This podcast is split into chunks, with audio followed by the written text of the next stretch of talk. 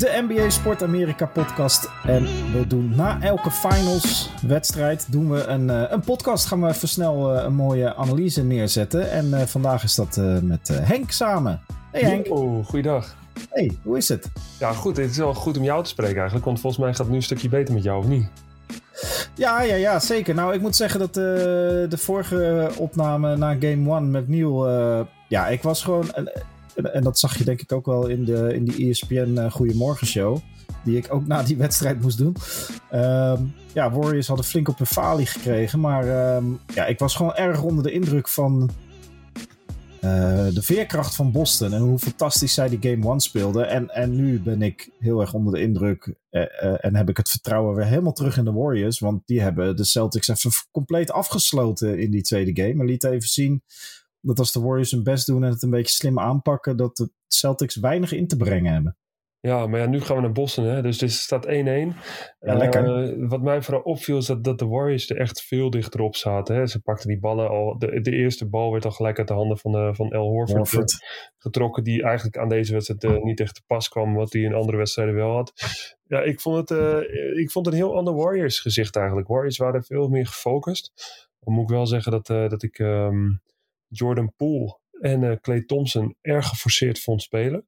Ja. ik vond ze erg veel schieten en ik dacht van, jee man, ik kan wel even een tandje terug, speel die aanval goed door en, uh, en dan, dan gaat het misschien iets lekker. Dus zeker, zeker Clay Thompson, uiteindelijk Poole, die, die doen ze drie punten vanaf ja, wat er misschien vier of vijf hadden kunnen zijn. Weet je wel, als ze nog een lijntje naar achter hadden getrokken. Ja, ja, ja mooi. die, was, die was echt wel indrukwekkend. Nee, was, de, de veerkracht was, was inderdaad, na game 1 is, we hebben een hele andere Warriors gezien, denk ik. Ja, volgens mij was het uh, Draymond Green die uh, verdedigend aan de, nou ja, de bovenop zat. En inderdaad, ja, ze zaten veel korter op Horford. Hè? Dus Horford kreeg in game 1 veel ruimte. Uh, van, nou, laat het maar zien.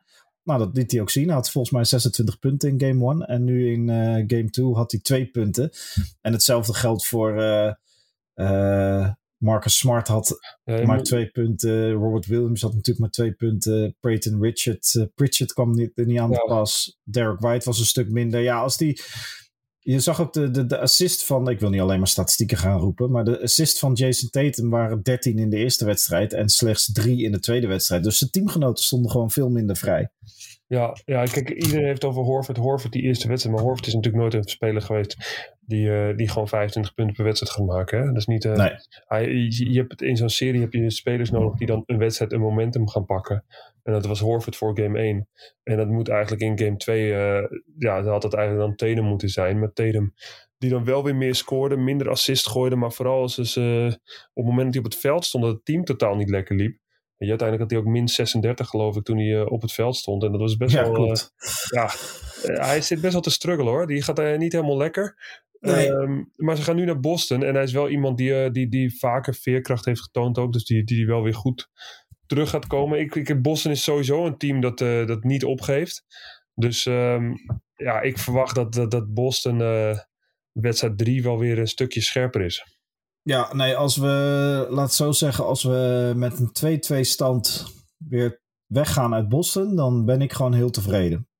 Ja, ik denk dat het doel is voor de Warriors, 2-2 maken. En, en ja, voor Boston moet echt alles op alles gezet worden om, uh, om, om, om uh, ja, alle tweede wedstrijden te winnen. Eerst wedstrijd 3 en daarna wedstrijd 4. Ja. Uh, dan hebben ze denk ik nog wel een kans. Als het 2-2 wordt, denk ik ook dat het, dat het voordeel zeker wel nog voor de Warriors is. Ja, want dan ga je namelijk de vijfde wedstrijd thuis in San Francisco spelen. En dan heb je game 6 in Boston. Maar game 6, dat is Clay Thompson's game. Dus uh, dan ben je gewoon de Sjaak. Ja, of game 5. Hij had hem afgelopen keer game 5. En dat oh ja, dat is waar, dat is waar, ja. Nee, uh, wat, want die heeft zijn wedstrijd nog niet gehad, hè? Die komt ook nog. Die komt ook inderdaad nog. Die heeft ook zijn wedstrijd nog niet gehad. En weet je wat ook met Clay Thompson is? Kijk, nu was die wedstrijd die was volledig gespeeld. Hè? En hij miste nog en hij bleef nog best wel lang staan. En de coach had hem zoiets van, nou, laat je, ga je schoten maar nemen. Dus hij nam heel veel schoten, miste heel veel. Maar we hebben hem vaker dit seizoen gezien dat we dachten... hé, hey, het is niet helemaal de Clay Thompson natuurlijk die we kennen mm -hmm. van voor.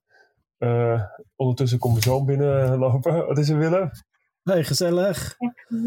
Ja, ik ga zo, ik ga zo eten voor je maken, joh. Oh, ja. ja. pak maar een broodje.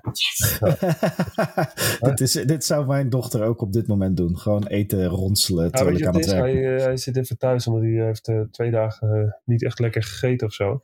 En nu, komt en nu heeft hij weer honger, dat is goed. Dat is wel fijn. Dus ik heb even een dagje thuis gehouden, want hij moet ook afzwemmen voor zijn C-diploma en zo. En dan, oh, als man, man, daar wil jij ook vanaf zijn. Als ziek en vermoeid is en zo, dan, dan wordt het allemaal een drama. Dus Nee, heel goed. Take care of the kids. Nee, hoort er gewoon bij. Hey, um, ja, en wat vond je van, uh, daar ben ik wel benieuwd naar, want jij hebt ook het verslag gedaan van deze wedstrijd, hè? Ja. Uh, wat vond je van, uh, van Gary Payton II? Wat voor rol had, is dat opgevallen of viel hij totaal niet op? Nou, hij viel eigenlijk niet eens zo heel veel op. Um, wat me wel opviel, dat hij nog steeds hard naar de basket toe ging. Dus oh, dat deed hij een paar nice. keer gewoon heel goed. Dat hij, dus je ziet soms wel dat spelers geblesseerd raken en dat ze dan uh, dat ze dan even gas terugnemen en dat ze dan wat, wat minder hard naar de basket toe gaan. Uh, maar dat deed hij nog wel gewoon heel goed. En hij verdedigt ook gewoon. Zijn impact was goed. En het is. Kijk, ik denk niet dat uh, Gary Payton nu zo iemand zal zijn die nu deze series nog 30 minuten gaat spelen. Maar de series is zo heftig dat uh, al pakt hij er maar vijf of al pakt hij er tien, dan kan hij ook weer andere spelers ja, ontlasten wat dat betreft. En, nou ja, ik, ik, ik, ben, ik ben vooral blij. Ik bedoel, niks dan lof voor Iguodala.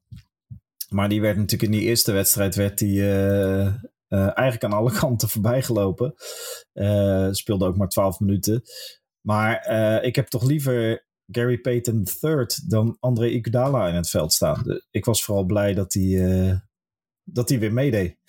ja, ik heb het gevoel dat Iguodala ook meer een soort van, van coach is ook aan het worden. Hè? Dus hij, een soort Dennis Haslim. Ja, eigenlijk wel. Hè? Dus hij zit ook al die, al die jonge gasten, weet je wel, eh, die, die, die, die hij voor wat ze kunnen verwachten. En uh, ik denk dat hij heel erg die rol aan het pakken is. Omdat, uh, ja, Draymond Green die moet het allemaal op het veld doen. Draymond Green die ook zomaar eruit had kunnen gestuurd worden met twee ja, technische fouten. Wat was dat voor situatie? En ik moet heel eerlijk zeggen, ja, ik vond eigenlijk dat hij eruit moest met twee technische fouten. Want als jij valt en je laat dan gewoon in, in, in, in, iemand onder je en je laat gewoon je voeten op hem rusten ja, ik vind dat, uh, dat is wel heel uitdagend gedrag. Dat zomaar dubbele technische fout kunnen zijn. Maar omdat hij al een technische fout had, hebben ze hem niet gefloten, wordt er gezegd. Maar ik vind het juist, moet je hem juist fluiten.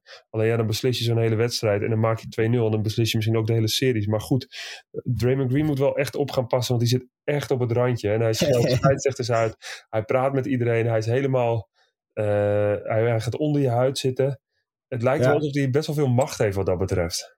Ja, ja, ja, zeker. Nou, en uh, ik zag hem ook weer, uh, dat, daar hoopte ik al op. Ik zag hem ook trash talken met uh, Grant Williams, die overigens deze serie eigenlijk niet, niet echt impact heeft. Um, de Grant Williams van Boston, maar die, die, ja, die, die, die, het had inderdaad eigenlijk. Maar hij heeft natuurlijk al wel eens gewoon, je zou bijna kunnen zeggen, ik bedoel, het hangt nooit helemaal van één play af. Maar um, toen hij die technisch kreeg in die finals tegen LeBron James in game 5. Uh, geloof ik. Toen werd hij geschorst en toen kwamen de, de Warriors dus terug van een. Uh, of uh, de Warriors verloren dus die 3-1 voorsprong van de Cleveland Cavaliers in die finals. Onder andere omdat hij toen die, die geschorst werd. Dus hij heeft het wel eens eerder gedaan. En, en dat had natuurlijk mega veel impact. Want de Warriors verloren die finals. Vervolgens kwam in die zomer daarna kwam Kevin Durant kwam naar de Warriors toe. Misschien was dat nooit gebeurd als de Warriors die finals ook gewoon hadden gewonnen. Dus uh, de technische fouten van. en en hoe zeg je dat? Dat hij eruit wordt gestuurd van Draymond Green in final games. Dat heeft altijd enorm veel impact. Dus meer, je zegt het terecht in de wedstrijd. Misschien beslist het de serie. Maar het beslist dus in het geval van Draymond Green soms zelfs volledig hoe de NBA er de jaren daarna eruit ziet. Ja, ja. Ja nee, ik, eh, ik ben benieuwd hoe die wedstrijd 3 gaat gedragen. Want je hebt ook wel heel veel fouten van hem gezien, weet je wel. Dat hij Grant Williams omver loopt en dan een fout meekrijgt. Uh, dat hij echt vol... Ja, duwen, trekken, alles. ja. En kijk, scheidsrechters zien dat ook. Dus hij zal, hij zal, wat dat betreft zal, heeft hij wel de schijn tegen nu. En denk ik dat hij een stapje terug moet zetten. En dat hij anders gewoon uh, eruit gefloten gaat worden. Ja, zeker. En uh, zeker in de TD Garden in, in Boston. Daar waar het publiek natuurlijk ook op de huid van de scheidsrechters gaat zitten. Zodra hij dit soort dingen doet. Ja, dat gaat dat natuurlijk weer beïnvloeden. Dus... Lock him up. Lock him up. Daar is Neil. Hey Neil. Ja, ik zit dus in een trein. Oh ja, ik hoor het ja. Kedekkeding, kedekkeding. Neil, we hebben gewoon... Dit is denk ik een van de eerste podcasts die we doen vanuit een trein. Ja, maar ik weet niet of het heel verstandig is dat ik vanuit de trein uh, meepraat voor de luisteraars. Nou, wat je, wat je dan misschien wel even kort kan doen, live vanuit de trein, is even jou. Uh, hoe kijk jij terug op Game 2 en hoe kijk je vooruit op de twee games in Boston? Daar ben ik wel benieuwd naar. Draymond Green is een crimineel. Het is uh, rigged. het is schandalig wat voor idioten de, uh, wat voor scheidsrechters die game 2 hebben gefloten. Zeg ik als neutrale toeschouwer. Het is een criminele bende als je niet die wedstrijd zo fluit zoals je hem hoort te fluiten. Dat is eigenlijk wat ik erover wil zeggen. voor de rest verdient verloren, maar ja, het sloeg helemaal nergens op. Nee, dat, nou, dat is helder. Ik ben benieuwd of, of dat in game 3 en 4 ook zo zal zijn. Gaan, uh, heb je nog alle hoop? Uh, ja, uiteraard staat 1-1. Natuurlijk heb je alle hoop op dat de Boston Celtics nog de finals gaan winnen, toch? Ja, maar wat, wat, wel een ding was... Dit is cynisch, hè, van Matthijs? Nou, het ding is dat ik dit voor mij in de preview show van de finals heb geroepen. Dat voor mij was het de eerste kwart toen Draymond Green gewoon drie fouten achter elkaar maakte. En toen kreeg hij een plus 1 voor mij toen hij naar... Uh, de basket ging. Anyway, dat de reactie van de Celtics-spelers precies het tegenovergestelde is van wat je moet doen. Want iedereen ging schreeuwen tegen de scheidsrechter, iedereen ging zeuren. Ja, dan, heb je hem precies, dan heeft hij precies waar hij je wil hebben. Dus dat hebben zij ook niet goed gedaan. Nee, veteraan Draymond Green. Weet precies, uh, nou, soms niet helemaal, maar hij weet wel dat hij heel ver kan gaan uh, met zijn status. Nou, hij, heeft, hij, heeft, wel macht. Ik heb het idee dat hij macht heeft. Want volgens mij kan een bepaalde. kan niet elke speler zo doen zoals, zoals Draymond Green doet. En zouden andere spelers al veel eerder uitgegooid worden. helemaal eens. Maar dat is in elke sport zo, hè? Natuurlijk. Ja, dat, dat klopt. Maar uh, ja, hij heeft nu ook, weet je, na die, na die wedstrijd pakt hij de microfoon, zet hij de camera op zichzelf.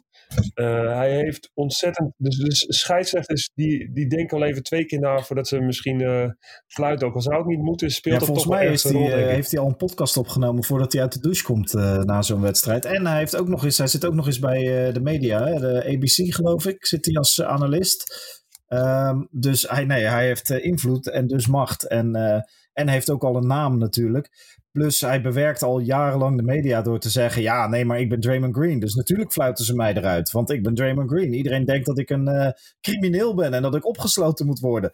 En dus fluiten ze steeds tegen mij. Dus hij gebruikt dezelfde argumenten om het. Hoe zegt dat? Hij gebruikt dezelfde situaties om het tegenovergestelde argument te maken als bijvoorbeeld Nieuw en andere Celtics. Hey, je bent er bijna nieuw, hoor ik. Nee, ik ben pas aan het begin van mijn uh, reis naar Antwerpen. Antwerpen? Dus ik, uh, stap... Ja, zeker. Nice. Nou, ja, heel leuk. leuk hey, nog even één ding, wat, uh, waar jullie denk ik nog niet over gehad hebben. Echt, ik ben dolblij met onze coach natuurlijk van de Celtics en Steve Kerr. En dan niet als basketbalgenie, maar wat ze voor de wedstrijd droegen en hoe ze uh, de dag daarvoor zich hebben gedragen tijdens Media Day over gun violence in de VS. Want ja. ja, weet je, je kan niks doen. Of je kan gewoon doen zoals Udoka en Kerr, hebben gedaan. Ja, maar Kerr die ging natuurlijk al viral uh, op de dag van die shooting. Toen, had hij, uh, toen hadden ze die wedstrijd tegen de Mavs. En hij droeg, volgens mij droegen ze allebei een oranje shirt. Dat lekker opvalt ja. met end gun violence.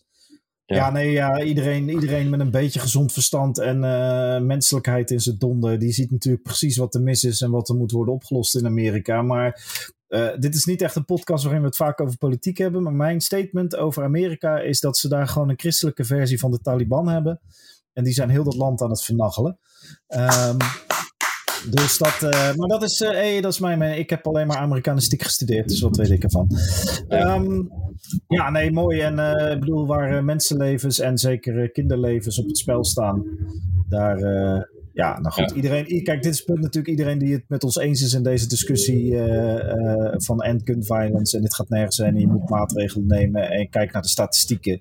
Uh, er zijn Laat ik het zo zeggen, Matthijs. Als je het er niet mee eens bent, hoef je ook nooit meer naar deze podcast te luisteren. Nou, dat vind ik een mooie stelling. Dan gaan we, dan gaan we denk ik niet heel veel luisteraars al kwijtraken. Nee, ik denk er, zijn er, zijn, er, zijn dit jaar, er zijn dit jaar meer kinderen omgekomen door, uh, uh, door wapens in Amerika dan politieofficieren en uh, militair personeel. Nou ja, denk daar maar even over na. Anyway, nee, ja, mooi dat ze dat statement maken. En ook natuurlijk met de bedoeling dat mensen zoals wij erover gaan praten. En mensen die het zien, die, die gewoon een potje basketbal willen kijken, toch ook het besef krijgen: hey, er is meer aan de hand Juist. in de wereld dan alleen ja. maar Draymond Green en Al Horford. Dus uh, nee, dat is uh, nee, terecht. Ja, mooi, uh, mooi statement van, van de coaches. Wat, wat even, Henk, jij bent ook. maar ik, zal ik er vandoor gaan voordat Arjen Haan weer gaat zeuren over de kwaliteit van de audio? Arms, Arms, Arjen Arms. Oh, Arjen Arms. Ja, ja, nee, volgens mij is die audio prima, maar we horen inderdaad af en toe de NS-stem er doorheen daarheen kletsen. Dus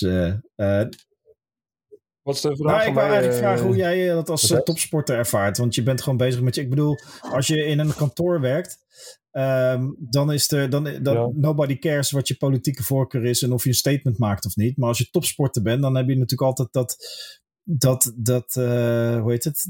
dat snijvlak tussen je bent een publiek persoon en dus vinden mensen ook dat je van alles wat moet vinden behalve alleen van je sport. Terwijl je als topsporter misschien denkt, ja, ik heb wel een podium, maar ik wil gewoon sporten. Ik bedoel, ik ja, dat is gewoon... het een beetje. Kijk, als, als topsporter um, ligt er ook een beetje aan welke status je hebt. Kijk, als je de status hebt van een, uh, van een slatan, dan kan je roepen wat je wil. Heb je status van de bron, kan je roepen wat je wil. Want je sport spreekt toch wel voor zich, weet je wel. En uh, uh, Luka Doncic kan dat bewijs van spreken ook.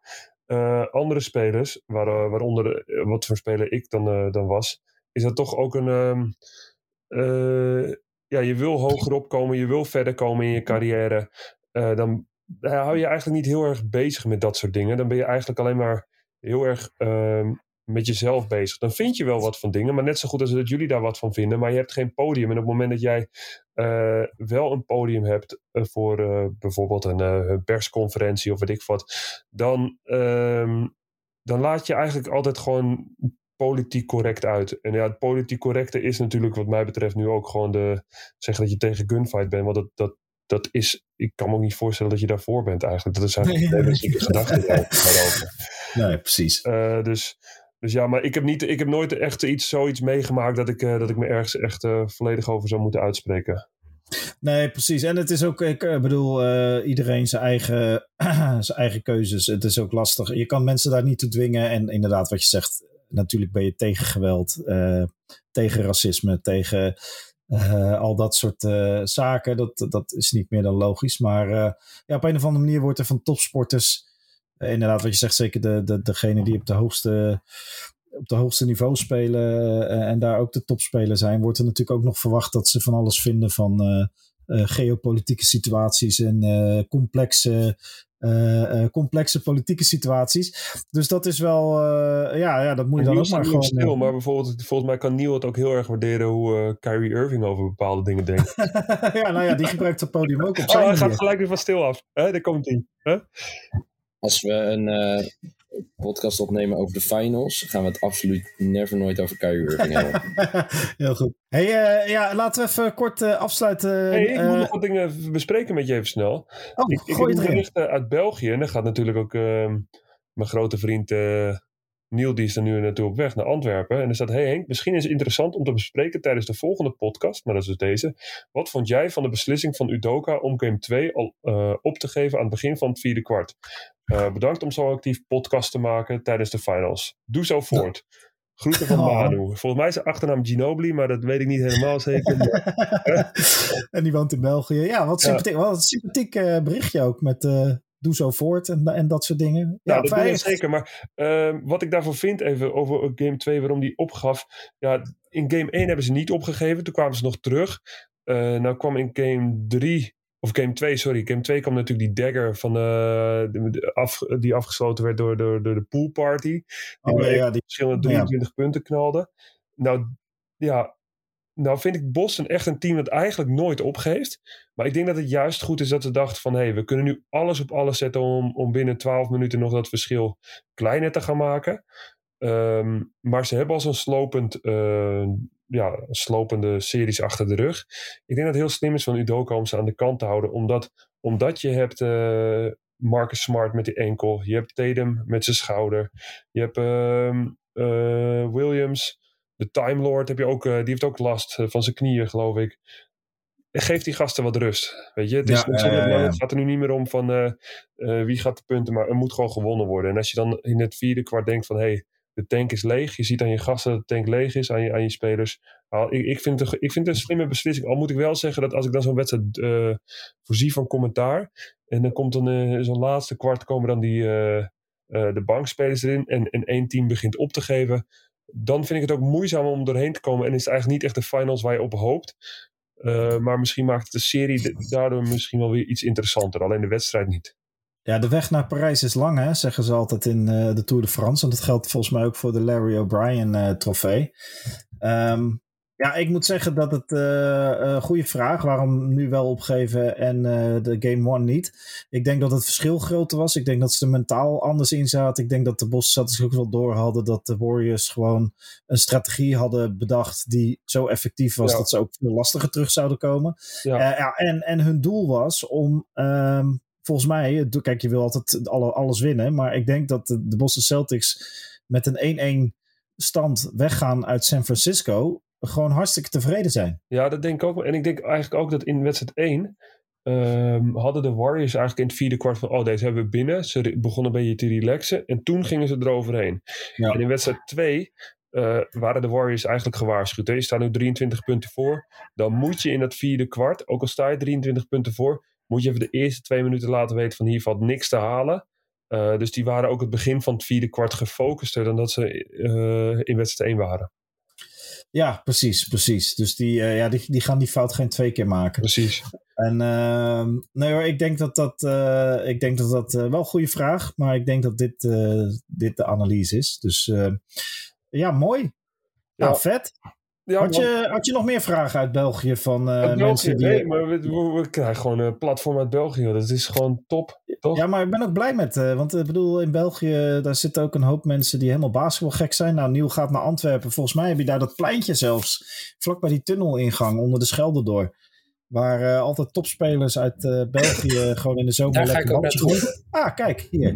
Jij gaat even ja, Ik ga daar de, ja, ze hebben me gevraagd om te joinen. Dus ja, wie ben ik dan om uh, niet daar gelijk nee, naartoe af te reizen? Heb... Hebben ze jou niet gevraagd, Henk? nou ja, mooi verhaal dit, jongens. Hey, uh, Niel, veel plezier in België. En uh, succes weer met Game 3. Die is volgens mij woensdagnacht. Wat gaat het worden, Niel? ik denk, even kijken, Warriors. En dan pakken ja? de Celtics 4, pakken de Celtics 5 en ja, pakken precies. de Celtics 6. Ja, precies. Even, ik, ik, ja. ik, verhuis naar de tijdzone van, uh, van de finals na uh, game 3. Dus we moeten even kijken oh, hoe we dan opnemen. Ja, dus uh, kleine, oh. kleine break richting oh, die kant. Dus, moeten we het nog even over de... Leuk man. We moeten nog even over, over de coach van Lakers hebben? Nee, wij hoeven het niet over de Lakers te hebben nu. Ja. Devin Ham, toch? Is de nieuwe coach? Ja, hij, voelt hij is onbevreesd geworden en hij voelt geen druk omdat hij hij was een, uh, ja, ook per ongeluk een schot in zijn gezicht gehad of zo. Ja, niet, nee, niet een basketbalschot, maar een... Uh, ik vind het bizar wat er bij de Jazz is gebeurd met Snyder. Ja, er gebeurt ook gewoon tussen de finals door een hoop Mag dingen. Mag ik nog even zeggen voor de mensen die het gemist hebben? Hij had nog een tweejarig contract volgens mij. De en coach, heeft gezegd, ja. Ik, heb, ja, ik heb het maximaal eruit gehaald. En dan moet iemand anders nu deze ploeg verder brengen. Ja, maar dit is de eerste domino-steen, hè? Want nu valt deze, nu gaat Mitchell zenuwachtig worden. Er zit uh, veel meer achter, inderdaad. Is, ja, uh, dit, team is uit elkaar. Dit ligt uit elkaar. Nou, uh, nou goed, Danny Ainge is daar de GM. Die ken jij nog uit de Boston-tijd. Dus die gaat dit helemaal overhoop gooien. En, en over drie, vier, vijf jaar staat hier gewoon een prima playoff team weer. Maar nu even niet, denk ik. Zeker. Dat is mijn idee. Nou, tot na game 3, jongens. Ja, Mogen leuk, jullie tegen elkaar zeggen... wie denk je dat er wint, Henk? Um, ik, denk dat dit, ik denk dat dit wel een hele beslissende wedstrijd gaat worden. Ik denk dat dit echt een thriller van beide gaat worden. Ik denk dat dit de wedstrijd wordt waar we op terug gaan kijken. maar wie wint er? Dus wie wint er dan? ja, dat, dat, gaat er een, als, als Draymond Green geen twee technische fouten krijgt, dan winnen de Warriors. Nice, nice. Ja, ik denk dat, uh, ik denk dat het om een, een stuivertje wisselen wordt. Ik denk dat Boston de derde wint en de Warriors de vierde. Maar dat je dan wel met 2-2. Dus eigenlijk dan krijg je weer een best of three voor de laatste drie wedstrijden. Ja.